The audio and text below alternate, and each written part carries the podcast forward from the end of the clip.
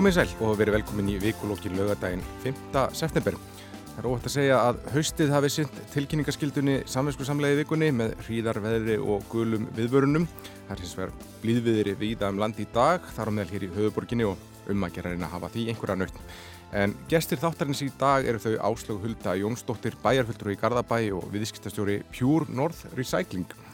Uh, Jakob Fríman Magnússon, tónlistamæður og aðtamnarskáld og Sigrún Helga Lund, uh, tölfræðingur, verið velkomin alls sömul.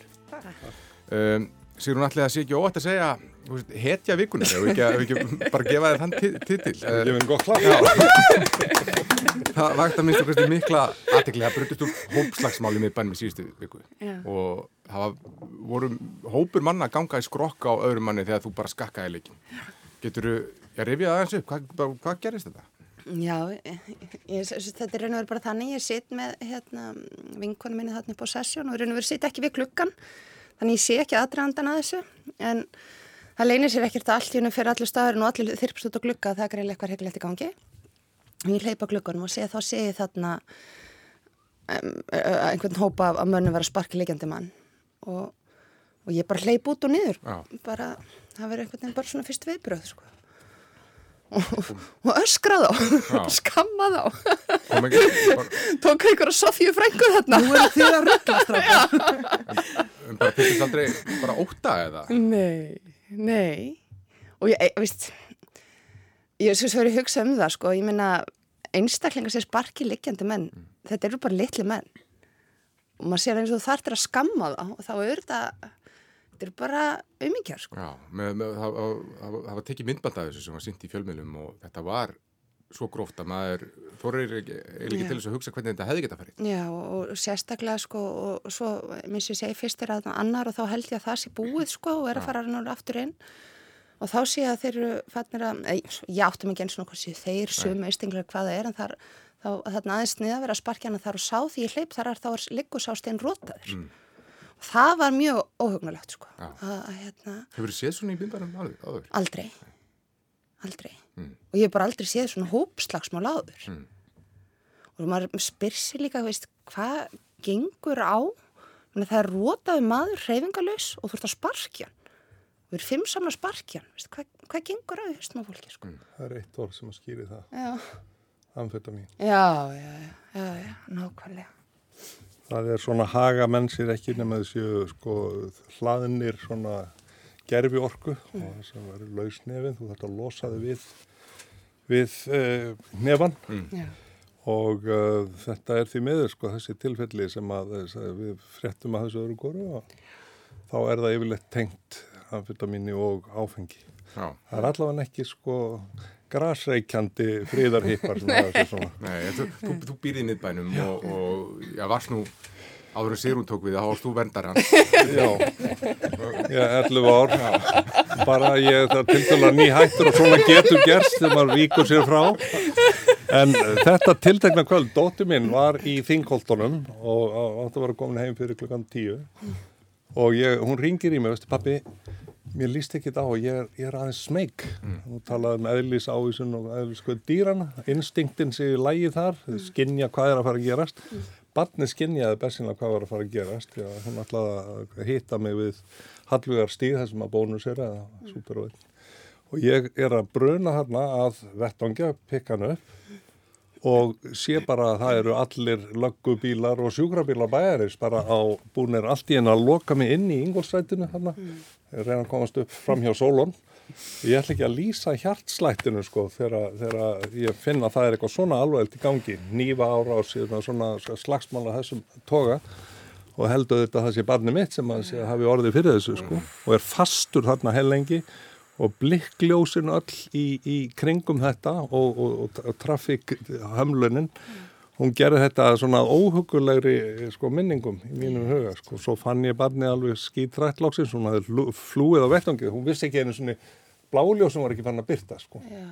En þetta er í nýju raunveruleiki, þetta er bara hættulegri heimur. Ekki og... miðborgu Garðabæjar. Nei, ekki, við, við erum öll sem stilt í Garðabæ. en þetta er kannski sem er ágefni, þú veist, eins og bara þetta þegar Sigrun Helga leipur hann inn eins og hetja og bara, þú veist, stoppar þetta. En ég menn, þetta hefði líka getið að fara mjög illa. Mm. Þú hefði bara getið að vera lúbarinn líka. Já. Nei, skil, þetta er já, já. eins og bara, hérna, Jakob er að benda á. Ég menn, þetta er bara mikil neysla og rosalega hardur heimur og það er kannski það sem hann hefur bara ágjur að þessari þróun. Sko. Heldur þetta að sé, ég menna, er þetta vestna ástandi í miðbænum eða er þetta bara eitthvað undartekningar? Það er að vestna sko andlegt ástand fólks á mm. Íslandi mm. og það er held ég uh, ég reyna alltaf að horfa á, á jákvæðu hliðarnar og eins og þetta blessa COVID, ég fann bara græna bólur eða ég sé það orðið að heyri það orðið svo mikið overkill Það mun gera síðar, síðar í þettinum Já, en, en sko ég held að það hafi sennilega aldrei uh, verið jafn margir að glýma við kvíða og þunglindi á Íslandi eins og akkurat þessa dagana og það kemur til af, af, af ymsu. Ég held sko að við eigum sennilega heimsmet í þunglindi og að minnstakosti neyslu þunglindis livja. Ef þetta er ekki rannsóknarefni nummer eitt á Íslandi, velferðaríkinu Íslandi, þá veit ég ekki hvað. Við vitum til dæmis að HIVAF sko var uh, leiti til dauða fyrir nokkrum árum, svo voru bara settið gríðarlega fjármennir og fókus á það. 30 árum síðar þá deyra engi lengur á HIVAF. Ég segi sko, setju fáum kára í lið og ríkistjónina mm. og þjóðin alla við það að greina hvað veldur íslensku þunglindi og kvíða og þessari rosalega neyslu á, á þunglindislivjum og kvíðalivjum uh, og, og notum COVID sem bríningu í það. En hvers vegna þetta er verra núna en ella, það er bæði þetta ástand og þetta ræðilega orð sem er alltaf bögg okkur, en það er líka það og nú ætlum ég ekki vera að, að beina hérna kastljósum að mér sérstaklega ég er auðvitað hef tónlistina og menninguna svona svona eins og kærustu sem að ég leita á náður tónlistagiðunar að því ég er mæðist í mörgu öðru Já. en þegar þeir eru meinað að fara og njóta upplifunar menningaviðburða, tónleika og alls þess það er gríðarlega skerðing á lífsgæðum mm og það held ég að menn sé átt að sé á núna. Mm. Við okkur koma aðeins inn á það uh, aðeins síðar í þettinum en við skulum kannski byrja á, á öðrum máli sem ástæði allavega til þess að kæta andan að það var uh, afreg knastbyndukonunar Söru Bjarkar Gunnarsdóttur leikmanni Líón í Fraklandi sem innsiklaði sigur liðsins í ústættarleikum Evrópu mestartitilin núna um síðustu helgi. Uh, eru þið búin að panta ykkur treyju? Ég er í bólnum. Þessi stelp er bara, hún er einstum. Já og ég held að við séum ekkert búin að átta okkur á því hvustlags sko afreg þetta var. Hún voru að skora mark í úslítaleg hérna, mestardeildirna, mm. þetta, þetta er bara, þetta er einstakt og kannski líka í þessu sko svona gerist ekkert að sjálfu sér mm. þetta er bara þröðlis vinna hjá þessari ungu konu hún er mikilvægt fyrirmynd þetta er, svo, þetta er bara svo gott fyrir sálartettur íslensku þjóðarinnar Já. þegar að unga íslensk kona vinnur svona afreg þetta er bara fyrirmynd fyrir allar yngri stúlkur í, Já, svo, í íþróttum og afregum og svo er þetta líka svona pínur rós að því að sko Pepsi Max deilt hvenna mm -hmm. þetta er tíunda, stel, tíunda sterkasta sagt, uh, deilt Evrópu í hvennapölda mm. Einmitt við erum með svo sterkan kvennabálta hérna heima og þannig getum við líka búið til sterka íþróttumenn mm. af því að hún er með sterka liðsfélag og hún er með sterka eh, keppinauta eh, raun og veru öll árun upp sko. mm. við erum með bara kvennabálta á heimsmælkvæða það er geggja Þetta er hinn hliðin af því sem ég var að tala um áðan, sko. Þetta er andkvæða þung, þunglindins og alls þessa.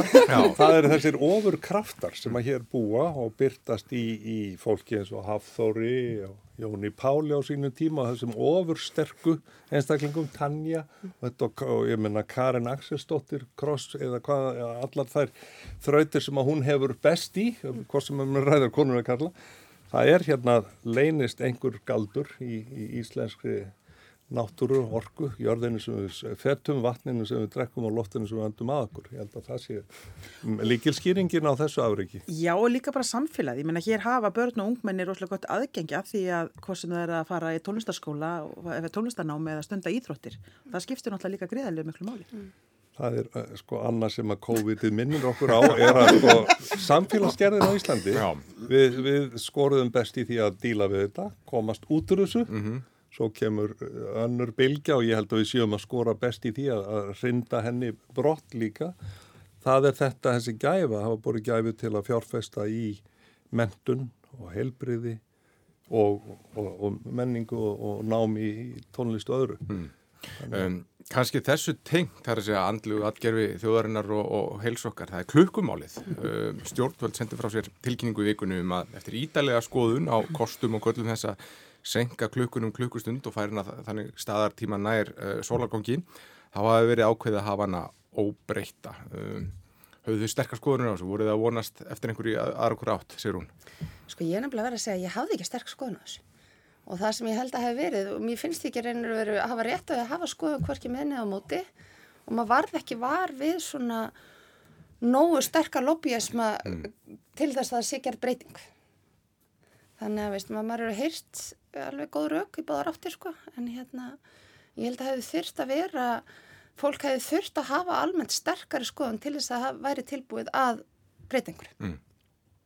það, það er svona mín Já, ég hef ekki sterkast skoðun á þessu en ég hef hins vegar sterkast skoðun á því sko við þurfum ekki endilega að breyta klukkunum til þess en veist, rannsóknir sína okkur að til dæmis úlingar, þeir eiga ekki endilega að mæti skóla klukkan átta, mm -hmm. minnstu við um að breyta því og láta úlingar mæta setna, það er bara mm -hmm. það er betra fyrir lífsklukkuna þeirra á þessum tímabili mm -hmm. en, en við þurfum ekki að breyta klukkunum til þess þannig ég hef engar sterkast skoðun á því ég sá nú einhverja frétt á BBC þar sem við varum að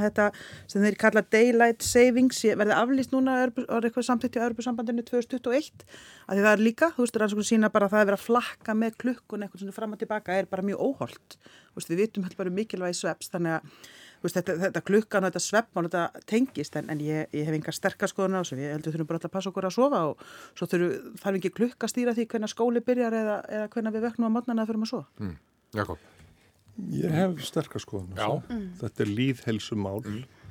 og sveppn er grunnþáttur í líðhelsu og sveppleysi eh, leiðir til uh, vandamála og ekki síst hjá ungmennum sem að er að drattast vansvefta guggin og grá í skólan ekki nógu vel upplögð.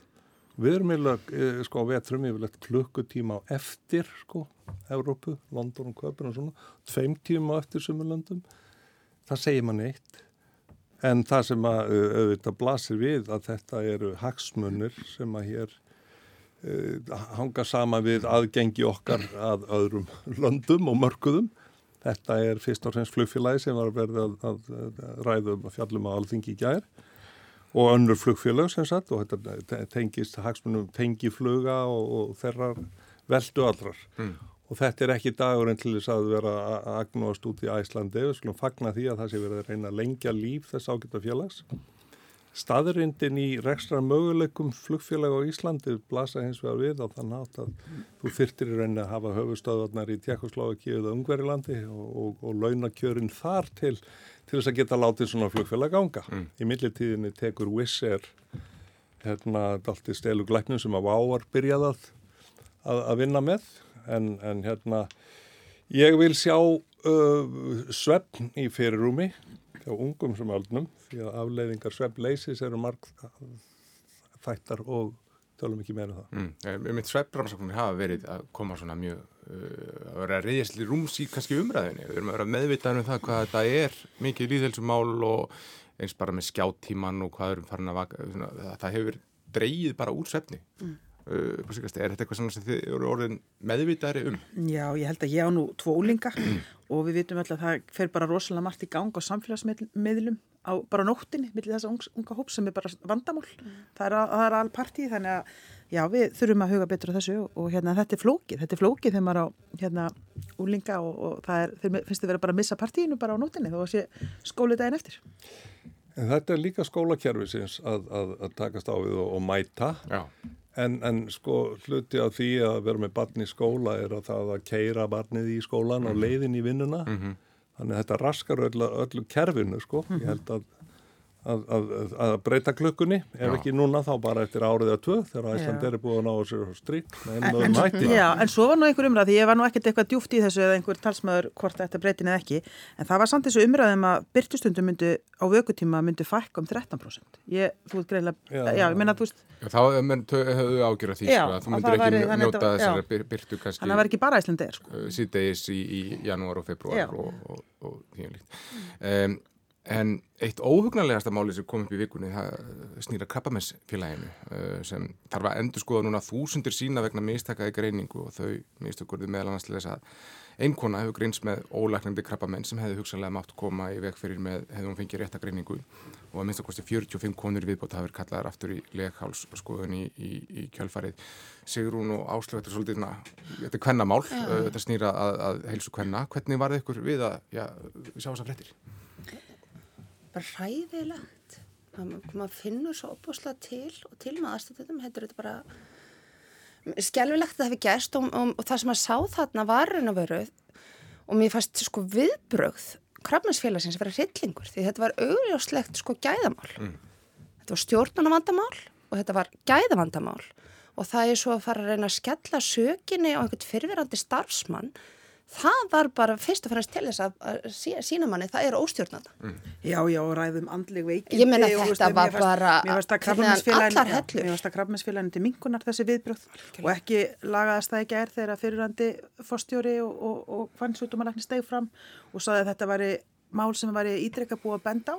Já. að væri ekki lægi og það var ekki gert og endanum var hann, var hann sagt um störfing og þannig að þetta lítur mjög illa út og hann íjar líka af því að það sé mjög mikið af þessum, maður er að greiða til kreppuminsfélag og stiðja þetta félag og, og margir gera það, að það sé svona uh, þeir fjármunni fari kannski önnur verkefni þannig að maður er svona mjög hugsi bara um alls konar þætti innan kreppuminsfélagi eftir þetta því að þeirra viðbrönd verða svona og það sem maður velti líka fyrir sér, ég er svona í framhaldi sko Land, eftirliti og landlæknir sko, við, sko ég hugsa hvernig er eftirliti bara í þeirri starfsemi sem er nú þegar í að störfu, það sem, mm. það sem er bara í gangi því að það kemur oft svona þegar allt er komið í, í, í vaskinn þá er stíðið inn sko en hérna ég er svona veltað með er við bara nú að dugli því svona eftirlita þeirri starfsemi sem er nú þegar í gangi mm. mist, ég hef líka hinbóin verið orðið ósátt við að mist oft svona of mikið eftirlit þegar eitthvað nýtt er að fara í gang getur bara vitnað í, þú veist, fjárþjónust í helbriðskerfi, þá er bara mjög miklar bara erfitt að koma því í gang við erum langt og eftir nákvæmlega þjóðunum okkur í því Já. og það er svona landlækningssambandi og fleiri sem stoppa það og svo er þeir svona þegar eitthvað er búið að gerast en maður veldi fyrir sig hvernig er eftirlitið á þeirri starfsemi sem er bara í gangi í dag. Mm. Þetta er einmitt öryggisnett fyrir konur í þessu tilfelli og, og hérna, dreygur þú trösti ykkar til þess? Klárlega, sko, þetta er ekkert skoðun sem að konur fari að gamni sínu, sko, ég þekk ekki einu konu sem er stælet að fara í hérna, leihálsdrók, en maður gerir þetta. Ég menn, þetta eru líf í húf, mm. þetta eru líf í húf og það er það sem er svo hræðilegt við þetta og finnst eins og segur hún kemur inn á, bara viðbröðin eru líka svo sjokkirandi. Mm.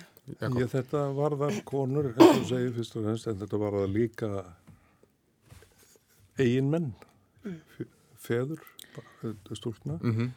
Ég vil ekki vannmeta sko, þátt krafminsfélagsins í dýrum vitundarvakningum sem að peningarnir hafa mhm. farið í að hluta og það starf og frumkvöðlastarf sem að uh, þanga má rekja. Uh, nú skulum við horfa bara á björtul hljóðarna sem eru þær að ríkið er að taka þetta yfir hvort sem er, óhá þessu. Það stóð, mun hafa staðið til lengi og þannig verður þetta vonandi undir meira og svona sterkara eftirliti.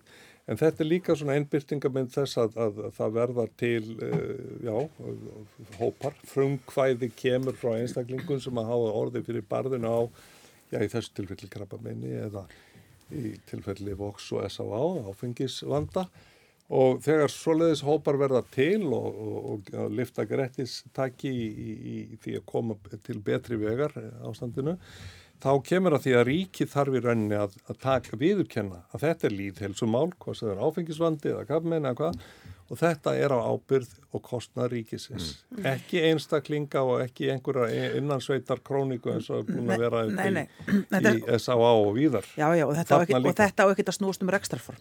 Svona, sko, það er bara eftirlit að vera í lægi. En just, mamma mín minnur í apoteki mm. og þar er ekki afgræður út livsegl nema tveir einstaklingar fari yfirfæra. Livsegl bara á allir livseglar. Þannig við sjáum líka þannig eitt starfsmæður sem fer yfir svo mikilvægar, þannig að það er alls konar svona þættir sem að velti fyrir sér. Sumi segja um þetta, þetta dæmi síni að, að, að fyrirkomunlega þetta þurfa að setja spurningamerki við það að enga aðilum sé treystandi til þess að, að, að sinna svona mikilværi starfsemi. Hvað segir þú? Ég segi bara, þú veist, ég held að rekstaformi skipti engum máli mm. og ég meina við höfum bara mjög góð dæmi hér um engar bæði í til dæmis mentakerfinu og helbriðskerfinu og þú setur bara upp skýra ramma um reglur og það sem eftirlit og ferðla sem þurfa að vera í gangi og það geta alveg eins ofinbyrjaðilar eins og engaðilar sinn því og uppfyllt það. Þannig ég held að vanti miklu frekar skýrar í línum farvegi og það sem ég verði kannski kom inn á áðan um það þegar að starfsmenn er í gangi, bara hvaða skilir það að uppfylla og það getur alveg, hefði krabbamensfélagi alveg geta sint eins og hérna landsbítalinni eða S.A.A. og bara nákvæmlega svo út með sko hjallastefnuna eða skólavegum Garðabæjar, ég meina það er bara ákveð, við þurfum bara að uppfylla ákveðna kröfur mm. og þarna er einhver, einhver brestur sem er ekki læg. Ja, þetta, er, þetta er þannig mitt á millis, sko, eh, við skulum segja svona sjálfsbrottinastarðsemi mm. og einhver sem að má flott undir enga rekna helbiðisjónustuð En, en einhverjeginn helbiðisjónaskuna verður að lúta sömu stífu lögum og reglum og, mm. og allt annað og sérstaklega þegar það er um að tefla svona krítiska sjúkdóma. Og ég held að sé engin í þessum rekstur sem er að byggja með um einhverja minni kröfur mm. á enga eða. Það snýst ekki um það. Æ. Það er bara þannig regluverki okkar að klikka. En hvað sjáu þið, hvað þarf að gerast til þess að þetta félag endur vinni tröst? Til dæmis bara eitthvað hverna sem leitið ánga. Mm, sko, mína, ég ber alveg trausti krabbmæsfélagsins og þau hefur gert alveg marga mjög magnaðar hluti og verið dögulega að sapna styrkjum til krabbmæssánsvokna og fleira. En það er, veist, það er þetta verklas sem það er greinilega að klárlega laga og, og það er ofbáslega mikilvægt að konu fari skímun. Leðhólskrabbamenn er krabbamenn sem ef það er greint náðu snömma þá er hægt að þá, þá er það, hvað ég segja, læknalegt í, sko, ég held þessi 99% tilvika. Mm en eins og er í dag að vil svo til að það var hérna læknanemi sem að skrifaði björnsýtgjurumd og hjálpa hann maður með tölfræðina. En, en það er bara helmingur lejóskapmennis að greinast í skímum hinn helmingurinn er að greinast við einhverju enginni eða fyrir tilviljun og, og það er ekki nógu gott. Þannig að þetta fá fleiri Við í... þurfum að fá fleiri konur í skímun og Já. við erum að greina það rófseint mm -hmm. Það eru fleiri hlutar sem maður mætti fjallum í þessu samhengi sko frumkvæðis og enga framtags versus þessum að e, skattgreðendur greiða fyrir og, og, og krefjast bestu þjónustu gegn. E, það er frétt um hjálparsveitir í gæriða fyrir þetta sem voru að bjarga manni sem var á sokkin í fenn. og e, maður veldi fyrir sér sko þessi, þetta gríðarlega álag á hjálparsveitunum og þeirra ströggl við það er alltaf að selja rakettur, mengandi rakettur og allt þetta er ekki hjálparsveit partur af, af, af öryggi og almanna vörnum sem mm. að á bara að sjá fyrir ja. eh, sérstaklega núna með því að það eru ekki bara 350 spáns á landinu, það eru 3,5 miljón þegar bestlætur mm -hmm. og álægið á, á, á hjálparsveitur hefur aldrei verið meira og galskapur hérna lít þekkjandi sko, ferðamann og gesta hefur náttúrulega markfaldast. Mm. Ég held að þetta sé mitt sko þetta að við þurfum að finna þessa línu þú veist að því við viljum mitt þetta sprott, þetta þessi félagsauður sem myndast hvort sem það er í hjálpasveitunum eða ég minna ringskonu hér sem byrjuði sitt mik mikilvæga starf þú veist þetta er, við megum einhvern veginn ekki lama þetta en finna þetta, þetta jafnvægi og það er svolítið, það er svolítið flókir heldur. Já, einmitt. Um, Að, já, ef þið voru að koma viðtækjunum þá eru það að hlusta á vikulókin gæsti mínir Sigrún Helga Lund, Jakob Fríman eh, Magnússon og Áslög Hulda Jónsdóttir. Við viljum að fara aðeins í já, við viljum að framkvæmla grænar bólur ánum Jakob, við viljum að tala um COVID og, og uh, tónlistamenn. Þeir voru að já, ræða sín máli í, í þessari viku og það, það er svona hagsmunni ferðarþjónustur hafa verið mikið rættir en tónlistamenn og sviðslista fólk og bara menningagerinn hefur orðið illa fyrir svona barðinu á þessari farsótt allri. Og kannski sérstaklega tónlistamenn sem voru kannski merkir hverjir að treyja þorran uh, bara í sumar, býð eftir að, að takmarkunum létti núna í, í haust og svo gerðist það ekki. Þannig að hvernig, hvernig er staðan bara hjá þínu fólki? Hún er graf alvarlega og eins og kom fram á bladamannaföndunum hér í fyrra dag en uh, menn hafa reyndar verið að þreyja þorran mun lengur en, en frá því í vetur. Það hefur orðið mjög alvarlegur reysa markaðsbrestur í heimi tónlistafólks á undanfjöldum árum og það er yfirlega hort til fyrirmyndaríkisins velferðar samfélagsmódel þjóðarinnar svíþjóðar mm -hmm. en þaðan er nú sprottið einhver allra, sprottin einhver allra vestan nýlendu stefna sem uh, heyrst hefur af á síðari tímum sem heitir Spotify. Það sem allar, uh, 95% allra tekna renna til 5% elítunar, Beyoncé og félaga, sem að þurfti að gera afar vel við til þess að ná þeim inn í kerfið. En þá þurfa hinn 95% tónlistamanna heimsins að bítast um 5% sem eftir eru, sem að þýða uh, krónur en einhvern þó öðrar. Og, og þessi forsendubrestur er, er, er svo alvarlegur að það er, það er útilokkað að, að lifa á Íslandi af því að vinna í hljóðverum við það að búa til hljómrit sem síðan er að seljast og standa undir. Mm -hmm. Það telur á fingruður á hverju ári að það, það gangi saman þannig.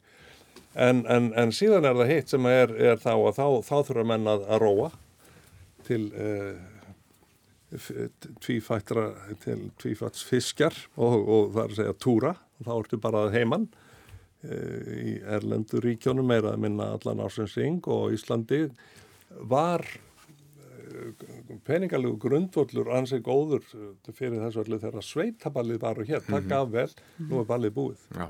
Tónleikar hafa tekið við og það, það, það, markaður fyrir þá er mun þrengri og bundin aðalega við þjættbílið, það er Akureyri, Græni Hatturinn og, og eitthvað, Hof og svo kannski eitt og eitt á Ísafyrði og Eilstöðum og svona, Selfossi, en, en uh, Reykjavík, þar geta mann verið að halda kannski einu sinni, tvísar ári, tónleika með sæmilum hætti. Mm -hmm. Þannig að þetta er orðið þannig mála að það, það tónlistamenn þurfa sjálfur að, að, að, að finna út nýjar leiðir til lifibröðs. En enn og aftur COVID speiklar mjög vel bráðavanda Já. sem brestur á þegar þú mátt ekki einu svoni róa til fiskja. Mm -hmm. Já, það er umlað, þetta er ekki, þetta er ekki spurning einu svoni um skort á eftirspurt, sko. það var hérna, uppsettildi og tónleika með Magga Eiríks bara í Eldborg á morgun, já, já, já. það búið að fresta því fram í og um, En, við erum búin að þurfa að fresta þrísasunum sko, tónleikum stuðmanna sem áttu sko uppalega að voru amalist tónleikaröð sem mm. þetta fyrir februar, svo april og svo júli og svo nú er það dagar sem áttum í nógambur fyrir aðra annað koncept sem að nýtast á því að klára hérna og þetta er bara, þetta blasir við en, en ég trúi því að, að, að, að það muni verða slakað á klónni núna uh, svona á næstu vikum og að bóðaðir haust og jólatónleikar fái að ganga eftir. Mm. en, og, en, og þá, þá finnst mér allt í lagi að efna til grímubáls. Já, alltaf við rásana en, en þarf að grípa til einhverja sérstakra úrraða gagvart ja, tónlistamönnum, svislistafólki, bara menningageirunum að þau hafa talað um að úrraði vinnumálastofnunar fall ekki mjög vel að þessum hópi. Það er alveg rétt. Og það, ég verð að segja að þessar ríkistjóð það til hrós í bæði gagvart ferðarþjónustinni og, og bara þjóðinni allri og atvinnulífinu. Hún hefur eiginlega gert allt rétt og, og jú, það glemtist að þakka kára þarna á einu stað en shit happens. Mm. það, sko, það er mjög alvarlegt að loka landamæranum svona eins og núna er en það er bestilega partur á strategíu til að, að drepa kvikindið núna í annari fæðingu. Og ég trú að það sé að takast og þá vonandi verður rönduð reist og það verður sláturtíðin verður ekki eins blóðug í, hér í haust og vetur eins og erla en í, í ferðarþjónusinni varðandi menningar geiran og tónlistageiran þá hefur ríkistjórnin sínt vilja og, og gefið vilirði fyrir aðstóða á bráðavandanum og meira segja að horfa til hvernig við leysum hitt stóra viðvarandi vandamáli til farsallar frambúðar mm. þannig að þau fátt tíu stygg í mm. minni Eurovision keppni, ef ekki tólf Sigur, uh, Sigrun, ja, saknar þú þess að komast ekki á menninga viðbyrði? Ríkalega, alveg ég bara, ég, ég sár sakna þess að komast ekki á tónleika Get nú tekið nokkuð lög fyrir þetta frammi á eftir Nei, ég er bara, ég virkilega segi það ég er bara sár saknaði Já, en margt sem hérna, þú hefur alltaf að fara á sem bara átturum miða á eitthvað sem var Já, já, já, já, já, já. Og, og hérna alveg, veist, ég get ekki eins og tala upp hversu marga miða maður átti og, og langaða og, og svo framvegið sko. þannig að þetta er alveg eitthvað sem er sem að ég alveg sár sakna komast mm. ekki á tónleika og Og mér finnst það líka alveg verið með góða punktur ef við fyrir maður aftur að sko, sagt, með COVID og með sko andlega helsu þjóðarinnar að það komast ekki á tónleika og komast ekki á menningaviðbyrði. Þetta er ákveðin geðrækt mm. að hlúa vel að sér. Og á tímum þegar fólk verður þunglind og það verður kvíðið og þetta eru erfið tímar þá er líka hluti af, af líðhelsu að búa sögum að við getum aftur fara að njóta svona stundar. Ástök. Já, ég held að þetta sé meitt punkturinn, sko, við erum bara komin í nýjan veruleika sem við verðum að aðla okkur öll að, veist, og það er alveg samankvort að séu menningaviðbörðir, veist, fólk er, ég held að það að fólk sé að ferðast minna, það snýst ekkit bara um hérna einhverja reglu við landamærin, veist, það bara, heimurinn er smá stopp. Uh, og ég held líka þessi, þessi umræðum andli, að þetta er bara, veist, við erum að tala um efnahaslegar afleggingar og við erum að tala um svona sótvarnar, þetta er líka þessi andli hluti sem ég held um eigum ekki, sko, vannmeta ég meina það er einn heil, heilsta heilbriðsvá og það var fyrir COVID, voru áhugir af einmannarleika og eina, einangun fólks. Og við vitum að COVID gerir það allt ennþá erfiðara. Og bæði bara félagslega veikir einstaklingar, eldra fólk, uh, ungmenni sem að standa kannski höllum fæti með svona öðruvísi skólastarf og, og við vitum hvernig hefur við farið fyrir bara íþrótt og tómstastarfi og það er þetta sem ég held að við þurfum rosalega að vanda okkur hvernig við ætlum að fara í gegnum þetta mm. sem samfélag, sem þjóð af því að við vorum hér, það er nú ekkert langt síðan að hér var efnaháshrun sem breytist bara í eitthvað svona samfélagsmein. Hér var svokallar hrun. Svokallar ymmið og hérna og, og, og, og það var bara einhvern veginn í stað þess að fara áallega náunganum það besta, þá áallega vonum alltaf það versta. Og mér veistu stundum komin aftur þangað, að við erum byrjuð svona, úst, það er komin eitthvað svona milli hópa, bend á, já við höfum meira bátti því að þeir eru verrið eða þess átt að vera í sótkví og svona og mér finnst þetta hættulegt og ég hef stundum meiri áhugir af þessu heldur en sko efnahagslífuna svo að því að veist, mér finnst skipta máli hvernig samfélag við búum í og hvernig við höldum utanum það og tryggja með verðum áfram gott samfélag mm. og þetta er rosalega stór þáttur mm. og sama tíma því að Jakob Fríman tala um hér um, um andlega helsu unga fólks, ég menn það var einhver kannun í gæri og einhver frétti, hérna, fréttir í gæri um það sem að íslensk ungmenni standa höllum fæti í andleri líðan Menni, við vitum hvernig sjálfsmástíðin er þannig að þetta er risa stórt mál sem mér finnst við ekki tala nógu mikið um. Mm. Ég held hér á tæki frá Apple fyrirtækinu sem er hér einu sinni sími en er nú svona allt múli græja, sími og dagatal og vekjaraklukka og allt þarframöndu göttunum og þetta er svo fullkomið tæki og heillandi að það er ofur eðlilegt að fólk uh, drægist inn í það, sógist inn í það og í rauninni finni ekki til eins mikillar félagslegrar þarfar, eins og þetta svalar mörgum hérna, löngunum og upplöfunum ég held sko samkómahaldið, menningarviðburðinni, tónleikunum og allt þetta, þetta vegur upp á móti eh, einn eh, menningsleiknum í, í farsímanum. Já. og hvort sem það eru börn eða unglingar eða fullungar, hvað það er. Og, og, og það er oft hort á farsíman og bent á hann þegar það talaði um kvíða og anliðan ungmenna. Jújú, það má, það má eh, finna einhverjar hérna, líkur og leiða því líkur en þá eftir rannsakað almenlega og nú kalla ég hér eftir í beitni útsendingu í ríkisútvarfi allar landsmanna eftir frumkvæðisfólki með sama hætti og S.A.A. var stopnað og Krabbmennsfélagi var stopnað sem við höfum áður eitt til þess að leggjast á þetta mál sem að er andleg helsa í Íslensku þjóðarinnar. Við leggjast í rannsóknir korlum eftir alþjóðlugu samstarfi við þína frábæri íslensku vísindamenn og helbriði stjættir. Eh, félagsvistinn uh, í tónleika og leikúsölunum og allir þessu, hún reynist vera sko líkillin að mm. betri helsu. Mm. Sko þessu tengdu þá líka hvar áherslunar eru. Nú er verið að tala um að auka við raungarina kennslu og starfræði í grunnskólum en á sama tíma erum við með þessa neðustöru sem ég var að vísi í núna, það sem að vantar verið upp á félagsfærni barna mm. og taland um símtæki og svona. Þá er þetta sem við þurfum svo markvist að fara inn að bara þjálfa börn í félagsfærni. Mm. Það þarf að læra góð samskipti. Við þurfum að kenna það og við höfum greinilega ekki verið að standa okkur nú að velja því. En hvað, hvað hafið reynd að gera í staðin eins og sérum? Hvernig hefur þú reynd að svona bara uh, rækta geðhilsuna í, í COVID? Fara fjöll. Ráðast á menn í slagsmálum. Nei, en, en hérna, ég veist, jú, bara eins og mér er alveg mjög jákvægt, sko, það er allir búin að vera mjög dölir í fjallgöngu sem er, hérna, og sérstaklega þegar COVID var sem hæst það var sko helgafelli þetta var alveg bara eins og að vera á flugstu það var þvíling trafíkin upp og niður sko. Ægir síðan var nýji kaffibarinn Nákvæmlega. En ég minna, höfum við ekki öll farið svolítið inn á við? Erum við ekki öll að fara meira út hvort það er bara göngutúri heiðmörk eða að fara upp á fjöll? Þú veist, erum við ekki meira hérna, elda góða mat og svona mhm. gera fallera heima hjá okkur og mála húsið og einhver reyðurgerð ég er búin að fara meira út á borðan ég vun ég veit ekki hvort það sem að sé finnst hann svo góður, ég veit ekki hvort ég sáðu pistilin eftir hann hérna Magnús Karl Magnússon. Hann er hérna læknir og fyrir hann fórstu lækndeildar og alveg einstakur Egin maður Elja Guðmundsdóttur umhverfis stjóra Reykjavíkur og mhm. síðan aðsta embati spansborgarina og hann er bara, hann er eldklára og einstakur maður og mér fannst svo góð hugveikja hjá hann að við hugsaum að þessum unga fólki því eins og við erum að tala um allir sér ráðsverum að tala um, hugsa um heimilið og annar. Þetta á ekki beint við um unlingarna, sko. Mm -hmm. Og ég menna, ef ég hugsa tilbaka með 18 ára sigrúnu, sko, þá var bara félagslífið og vinirnir, það var lífið. Mm -hmm. Það var bara 90% af öllu því sem skipti með máli. Og við þurfum að geta búið til þannig samfélag, við þurfum að geta þá mingaða okkar frelsa á öðrum hlutum til þess að þessi krakkar geti fengið sinn vettvang til þess að bara að, að þroskast á eðlan hátt mm. þetta er félagsverk sem þau verða að, að, að fá að sinna sko.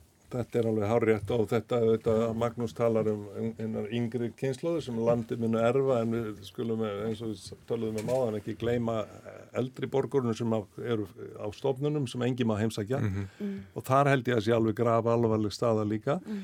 en ég hef verið að sko reyna einblýna eða ekki einblýna horfa á jákvæðu hliðar þessa alls uh, og, og hérna engum hefði dottið í hug fyrir ári síðan að við ættum eftir að lifa svona skjálfilegan faraldur á heimsvísu sem að rellir okkur svona rosalega mm.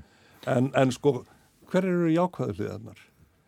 Allt í hennu opnast upp nýjir möguleikar í, í mentun þú getur sóttir mentun hvar sem er í heiminum í dag í gegnum Zoom sem þú gæst ekki áður, ökonomist mm. allt í hennu þarf ekki að vera að ferðast yfir höf og fjöll til að sækja eitt fund einhverstaðar, þú tekur hann bara í gegnum Zoom og við erum að læra bara nýjan lífstíl, ökonomískan kólefnisfrjálsari mm. lífstíl sem að við þurfum að, að, að líta á sem framtíðar bara uh, gospelið okkar Já.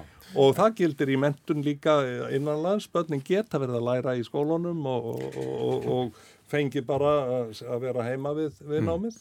Mm. En sko, í vor þá voru þessar sótarnarlagerir, þær voru tiltölu óumdildar en það, það, því er öðruvísi farið núna í, í þessari annari bylgi og maður hefur heist sérstaklega frá uh, ferðarþjónastunni samtökum miðnaðarins og, og fleiri sem uh, atvinnireganda og, og því líkt að það sé verið að fara of uh, skart, þetta sé of stránt. Síðan kom um, könnun í vikunni sem síndi að það er bara yfirgnæfandi stuðningur við þessa stefnu meðal almennings. Já, það kom mér mjög óvart því að maður svona, þegar maður horfður bara fréttir og sér maður bara, þú veist þetta, frá ferðarþjónustunni og, og tónlistafólki og svo fleira og það var þetta og það var mjög, mér fannst það mjög sláandi. Það sagt, var niðurstæðan þar að hérna 84% íslendinga eru sátt við eða vilja harðari aðgerði við landamæri og þegar við tölum bara um sóttvarnir svona innanlands, þar var sko 63% voru sátt og eða vill óbreyttar aðgerðir og 26% viltu harðari. Þannig að þú veist, þarna sér maður sko rosalega mun bara þeim sem er að tala og svona það sem maður hefði haldið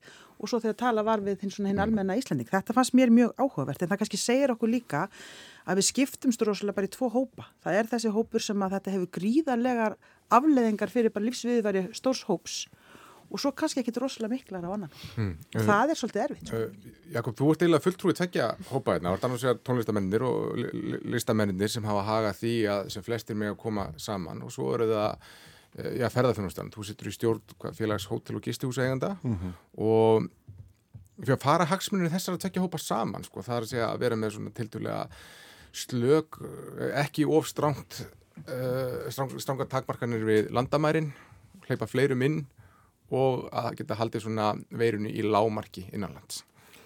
Ég held að þessar, þessi tveir hópar, þessi tvö mengi sem ég starfa í, síni hvort öðru fylstu hluttekningu og stöðning, það er auðvitað grav alvarlegt þegar búið er, er, er að, í fyrsta lagi að, að, að horfa upp á váfalla mm -hmm. í apríli fyrra og allt þar hrun sem, eh, sko það er miljónum manna sem allt ína hætt að koma hingað þeim ástæðum og síðan uh, Max Vélar Æslandir fengi ekki að fara í loftið.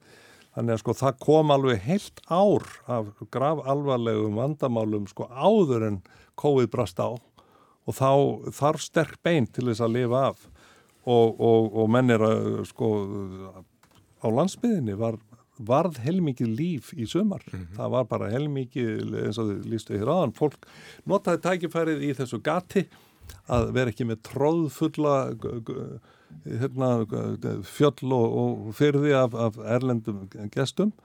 Það var dásanlega tilfinning að ferðast. Ég gerði mjög mikið af því eins og þið lístu hér aðan. En núna eh, þegar allir eru að byrja að undibúa gott og gjöfult haust og reyna að ná sér eftir allt uppsafnaða vesen þá brestur á með lokanlandamannana og það er rosalegt högg. Það er alveg skjálfilega alvarleg hérna, ákvörun að taka en við það verður ekki uh, því, það verður ekki gert við því uh, þetta er svona og hvenar þeir ákveða að leipa aftur fólki inn þar að segja aðeins að setja að því þess að löngu sótkví og allt þetta það verður við bara að vona það besta. Og maður óskar öllum þeim sem er að berjast núna í eftir í þessari erfiðuru tíð. Mm. á vettangistæstu atvinningreinar Íslands notabene. En finnst þetta rétt ákvörðin að, hafa, að vera með svona Þetta, þetta er rosalega drastist og, og, og, og afgerandi það eru það eru mjög margir ósáttur við þetta, mjög margir sem eru að horfa upp á lífsitt rinja, æfisbarnaðin fara bara uh, í fangbankana mm -hmm.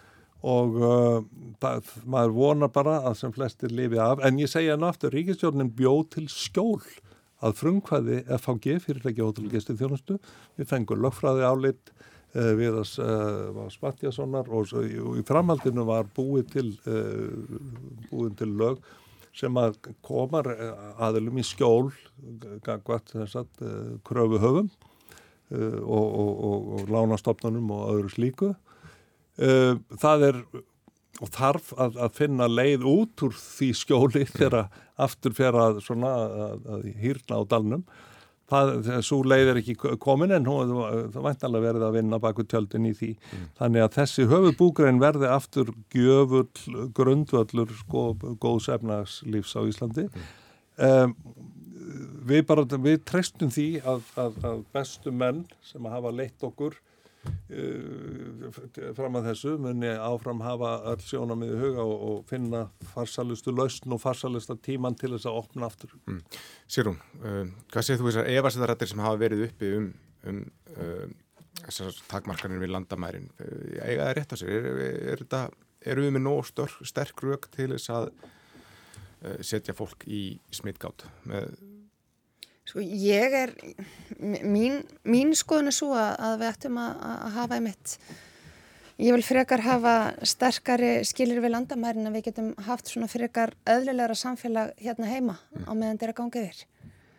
Og, og þetta er, auðvitað er þetta rosalega tökk fyrir ferðarmanniðina en þá er það þá bara tímabundið og vonandi fer að veist, koma bóluefni og þetta líði hjá en, en að, að núna bara Íslandi er svo einangra og við sáum það, við, náum, við getum náða að halda landinu verilösu mm -hmm. ef við tökum átak og, og búið uh, fólkin okkar og okkur öllum frekar svona eðlert lífa meðan og mér finnst það vera, það er sá pól sem ég hefndi vilja taka. Sko. Mm, ég er svona meira að hugsa sko hvort að sé endilega þessar aðgerðir við landamærin sem eru að komið vekk fyrir að ferða með komið yngað. Ég held að bara heimsmyndin er svo breytt og ég held að fólk sé bara almennt að ferðast minna. Mm. Þannig að ég er ekki alveg vissum að það sé endilega upphafið og endurinn á ástandinu. Ég veit að, ég sé nú bara hérna Jakob hrista hausinn alveg, en ég, ég, ég hérna held að við þurfum að skoða þetta í starra samhengi. Það var komið bullandi túrismi hérna í sumar, alveg bullandum að sá það út um allt, þeir voru að ferðast út um, út um landið alveg á fullu og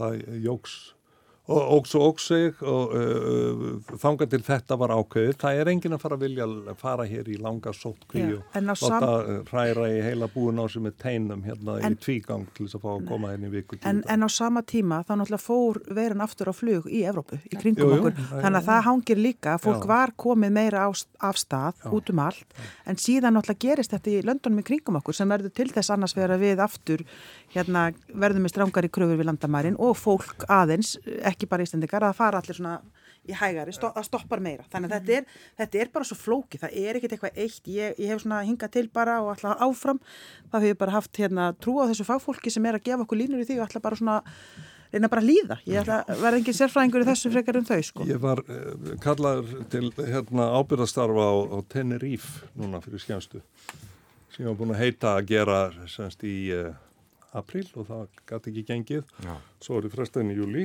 og svo brast á með því núna þetta að ég var fengið til að gefa saman hjón, púsaður saman. Og maður skorast ekki undir slíkum uh, undan slíkum áskorunum þó maður hefði ekkert uh, enga heimil til þess eða alboð, það verður síslum að verður að stimpla slíka papýra, þetta er meira hinn táknar en aðnöfn, en þar uh, var maður, þetta er nú einn örugasta eiga í heimi, svona í hópið með Íslandi örfá smitt þar enga síður, það er maður þarf að standa skil á þessum hlutum í landamærin. Síðan eru bara allir með grímur allstaðar og þú ert ekki með grímu þá kemur bara maðurinn úr uh, hérna, veitingahúsin og minnir þið á það. Mm -hmm. og það þykir bara sjálfstæður hlutur. Mm. og ég held að það sé auðveldara sko kannski eðlar og sangjarnir að herða reglur á okkur svona innan lands og innan búðar en að eventuelt að byrja að slaka aðeins á, á, á því að leipa fólki inn frá örugustur löndun. Mm -hmm. Nú eru ítalir sem voru fyrstir inn og voru með alvarlegustu tilfelli hérna. Nú er það að verða til dælu örugur áfangastæður og eitthvað á Norðurlöndunum svona eins og gengur. Um, þetta er bara það sem ég segi eins og ég talaði um að, að bóða til grímubals. Það er, það er líka heilmikið business í því að þróa grímur sem að bara láta mann lukka betur. Ég sé sjálfur að geti til dæmis í staðin fyrir að vera með þess að reysa kartöfli hérna í miðið andleitinu með réttu grímunu geti þetta að vera svona nett hugulegt nef og ekki svona slútandi mhm. varir nefur og svona maður allt annan og betri svip. Og allir að tala rosalega Jakob Fríman með fallið augur. Það er að vera aðtiklinn það. Nei, ég er að segja, herðum okkur hérna innanlega leifin tónleika með grímum mm sem fyrst og, og, og eflum líðhelsu með þeim hætti. Já, ég, ég fór nú á leggjabrót fyrir viku síðan og fór þar í stappfullri rútu og var bara með grími og meðan, mm. þannig að, að maður höfum tugsað er það þá ekki hægt á, á tónleikum, en um, hvað, Ríkistóttin, hún hefur bröðust auðvitað við skamtíma vanda með ímsum úrraðum, en nú er menn kannski fartin að horfa aðeins meira til framtíðar, það var stopnaði eitthvað matvala sjóður núna í vikunni 500 eh, miljónir sem farið í það. Það er verið að samtækja hlutildalán fyrir rúnt fólk sem reynda að koma á dagskrá áður en COVID skall á og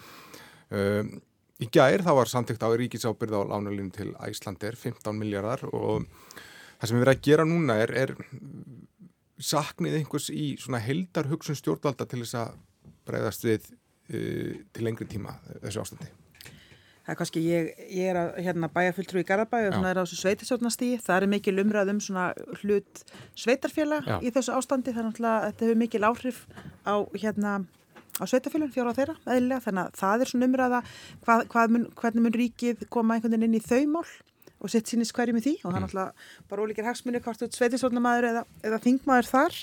Um, ég held líka, kannski sem við tölum inn áðan, mér finnst það hvort sem það eru sveitarfélagin eða ríkistjórnin eða annað, mér finnst þau þurfa að gera meira í þessi bara velliðan íbúana mm. ég held að ég hef ágjörð af því Já. þetta er risastort mál og þegar við horfum á aðeins til framtíðar þá voru þetta sem skipta rosalega miklu máli bara 5-10 ár fram í tíman hvernig við tæklum þessi mál Hvað eru þið að gera í Garðabæ fyrir að auka veliðan í búa? Við erum til dæmis að hérna, veist, við höfum verið bara hérna, eldri bæjabúar og, og félagsþjónustan það hefur bara verið, verið personlega þjónust að vera að ringja reglulega í hvern og einn. Við höfum verið að tryggja náttúrulega bara eins og aðrir með skólastarfa það sé í sem eðlegustum hætti og mm -hmm. tekið sérstaklega utanum þess að viðkomi hópa. Við erum að útfara hvernig við getum með tónlistarnámi þannig að það geti haldið áfram. Við erum að með íþrótt og tónstrastarf hvernig, með hvað hætti það er. Uh, við erum að, þannig að það eru, það eru mörg svo, margir svona þættir sem við þurfum bara að meðvituð um að líka, ég menna þetta verður mjög þungur vetur fjárhastlega mm -hmm. og við þurfum að tryggja að börn og ungmenni séu ekki að hérna, dett úr íþrótt og tómsvöldastarfi út af fjárhastleikuleikum foreldra eða það sé ekki einhver sem get ekki keift skólamatt það eru þessir þættir sem við þurfum líka að vera viðbúin og við erum byrjuð á þeirri vinni í Garabæ mm.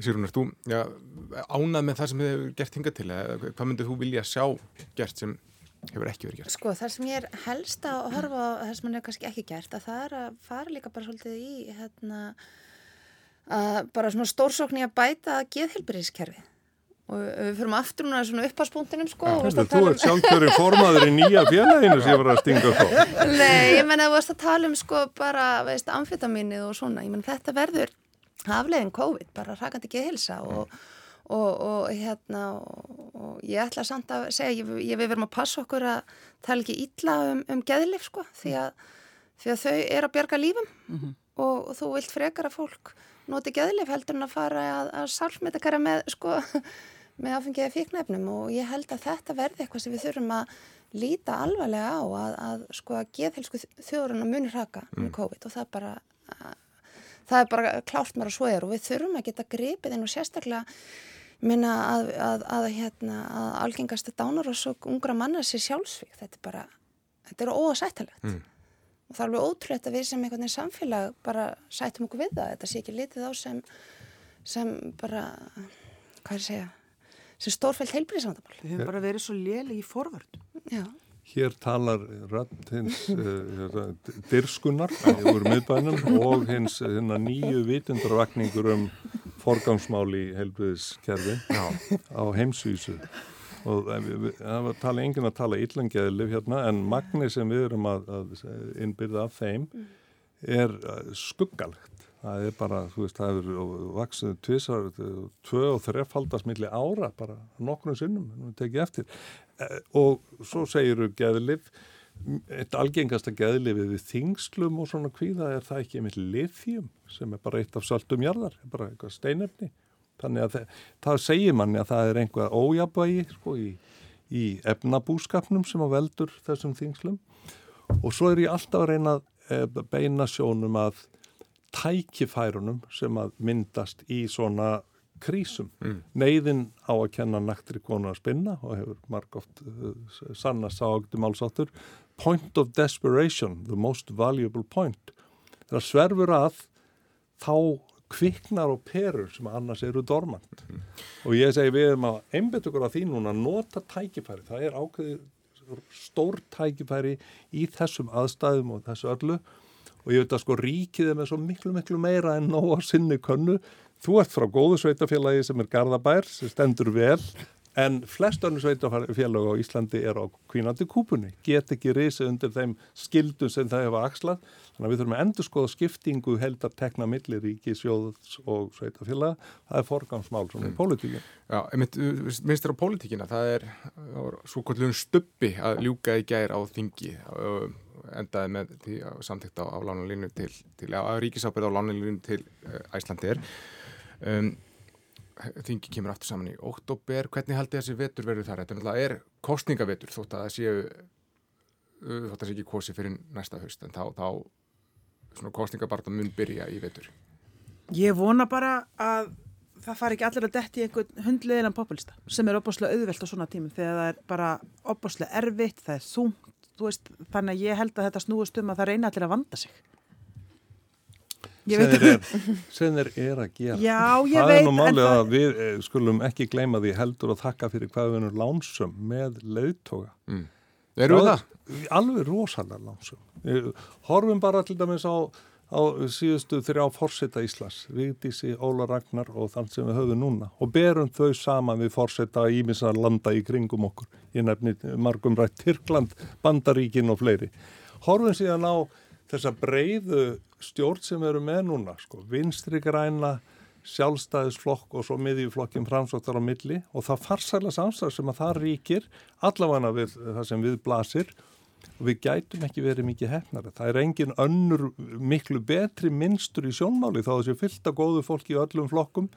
Ég held að þessi ríkistjórn hafi staðið sér svo frábærlega að það vilja enginn missa hana. En það mætti kannski fjölga í henni og það eru eins og málarflokkar sem að ætti að vera með einn tiltekinn ráð þeirra bara í því og þá nefn ég nú til dæmis bara sko þá málarflokkar sem að ég eh, tilheyri hér í, í útarsald sem eru ferðamálinn, það á að vera í 150% starfi eitt ferðamálar á þeirra sem er ekki með neitt annað á sinni kannu. Við erum með frábæra ferðamálar á þeirra sem er líka með orku og nýsköpun og allt það hvernig hún hefur tíma til þess að sinna þessu öllu svona vel, það skilja ekki. Uh, menta og menningarmál eru tveir rísamálaflokkar. Menningarmálin eru mál hérna skapandi greina sem er óbúslega mikil uh, sko, fjölgun í og mörg tækifæri í. Ég segi það mætti fjölga ráðarum um cirka fjóra, jafnvel fleiri og bæta þá fleiri góðum flokkum inn í ríkistórnuna. Mm. Sérún, hvernig séru viturinn á þingi fyrir þér? Eh, sko, eins og ég, ég tek undir með þér að ég vona og ég held að það sé ekki fara að gerast að, að, að detti eitthvað populisma. Mm. Ég held að við, við höfum bara svo mikil vita að varast í löndunum kringum okkur og ég held bara að íslenska þjóðin, ekki það að hún sé einn hugur sko, en ég held að fólk sé ekki, er ekki til í uh, slíkt rugg núna. Við sjáum að þetta er alvöru mál og við þurfum og ég er og ég maður er alveg stoltur að því hvað hefur verið, sko, fólk hefur bara hlusta á sérfræðinga, treyst treyst okkar færasta vístafólki til þess að leysa COVID til dæmis og ég vona að þetta fari ekki að smitast yfir í einhvern einhvern svona umföld kostningatryggs til þess að reyna að köpa sér atkvæði haust. Mm. Það verður líka, sko, það, sko. það er ári kostningar cirka og þetta vesen sem við erum búin að vera að standa í núna undan í misseri verður búið áður en kemur til kostninga. Við, ver, við komum út úr þessu sko uh, með uh, þannig ímynd að við verðum sterkar en nokkru sinni fyrr í haugum þeirra sem vilja ferðast um heiminn og, og, og físilegri kostur og ég held að það menni sínast og sannast að við þjóðin verður þakklátt fyrir mm. þá leysög sem hún hefur flotið í gegnum þetta. Mm. Þessu ánægvað út jákvæður. Já. Þegar ég er einhvern veginn neikvæða konar við linum, það er bara mjög ánæg með þetta. Já, en á, á þeim nótum, jákvæða nótum, ég, ég hafa ástæðu til að vera bjart sín fyrir daginn í dag, Ísland-England landsleikur. Þetta er svo svekkjandi. Fáum hérna landslið englast til landsins og við megum ekki horfa. Við höfum skotið um ref fyrir rass. Já. Já. Við skulum hafa það hugfast þegar við göngum sem þjóð til liðsvið á, til mótsvið á rifja upp þorskastríðið og, og mun að við höfum betur í því stríði líka. Landslið, landslið undir 21 þeir unnu svíþjóði gær glæsilega þannig að það ekki bara vera bjart sín tökum við þetta ekki bara.